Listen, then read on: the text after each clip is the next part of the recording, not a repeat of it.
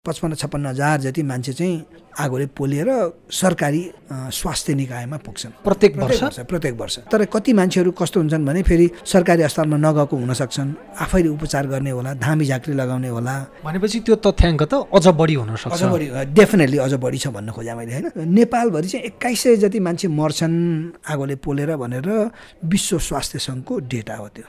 हाम्रोमा सयजनामा बाइसजना जति मर्छन् यहीँ। चालिस प्रतिशतभन्दा माथि शरीरको भाग भनौँ शरीरलाई सय भाग मान्यौँ हामीले तीमध्येमा चालिस प्रतिशत चाहिँ सर्फेस चाहिँ जल्यो भने मान्छेलाई बचाउन नै गाह्रो आकल झुकल बाँच्छन् जस्तो अहिले पनि हामीले पहिलो वर्ष हामीले एउटा पनि बचाउन सकेका थिएन ट्वेन्टी फोर्टिनमा।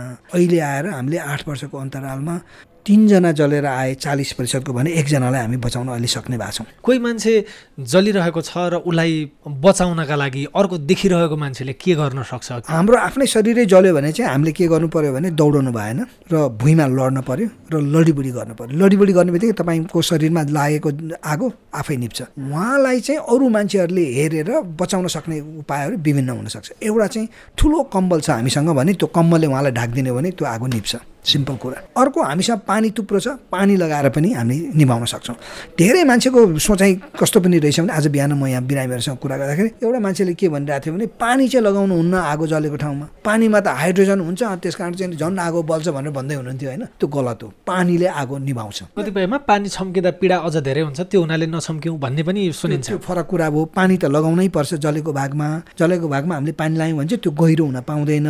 जलेको घाउ गहिरो भएन भने हामीले अपरेसनै गर्न पर्दैन। जलेको मान्छेलाई परिवारले कतिपय अवस्थामा जोगाइसके पछाडि पनि उहाँको शरीरमा अत्यन्तै धेरै चोटहरू भइसकेका पनि हुन्छ। त्यो अवस्थामा चाहिँ त्यो चोट लागेको मान्छेलाई अस्पतालसम्म पुर्याउन ढिला हुँदाखेरि मृत्यु भएका खबरहरू धेरै आइपुग्छन्। त्यो समयमा घरमै क्षति कम गराउनका लागि गर्न सकिने उपायहरू केही हुन्छन्? यसमा चाहिँ के छ भन्दाखेरि सबै मान्छेकोमा सूचना यो पुर्याउनु पर्यो कि कुनै पनि जलन। त्यो आगोको मात्रै होइन तातो पानी तातो तेल बिजुलीको कुरा भयो जु कुनै पनि कारण एसिड अल्काली जेले जले पनि पानी लगाउनु पर्यो कम्तीमा आधा घन्टासम्म। तपाईँले उपचार गर्दै गर्दाखेरि चाहिँ यो मान्छेले यस्तो खालको सावधानी गर्दै भए त यो अवस्था आउँदै आउँदैन थियो भन्ने खालको केही लाग्छ होला तपाईँलाई? मान्छेले के के कुरामा सावधान भयो भने चाहिँ त्यो अवस्था आउनबाट जोगिन सकिन्छ? कसरी हामी बसिरहेछौँ कसरी हामी जीविका गरिरहेछौँ भन्ने कुरासँग पनि सम्बन्ध छ। जस्तो रहन्छ रहन्छन् ठ्याक्कै अब जस्तो भनौँ हामीले चाहिँ गाउँमा हामी गाउँमा छौँ कोठाको भुइँको लेभलमा हामीले आगो बाल्नुपर्छ आगै बाल्नु पर्नेछ आगो बालेर हामीले खाना बनाउनु पर्नेछ आगो बालेर हामीले आफूलाई न्यानो बनाउनु पर्नेछ राति आगोमै हामीले चाहिँ प्रकाश हेर्नुपर्नेछ प्रकाश पनि त्यसैको लागि आगो नै बाल्दैछौँ भनेपछि चाहिँ नि हामी त एक एकदमै हाई रिस्कमा भयौँ। अब त्यसो भएको हुनाले त्यो चिजलाई चेन्ज नगरेसम्म त अब हामीले ठुलो चेन्ज लिएर आउन सक्दैनौँ। त्यसो भए यो केस घटाउनका लागि चाहिँ कस्तो खालको कानुन आवश्यक छ?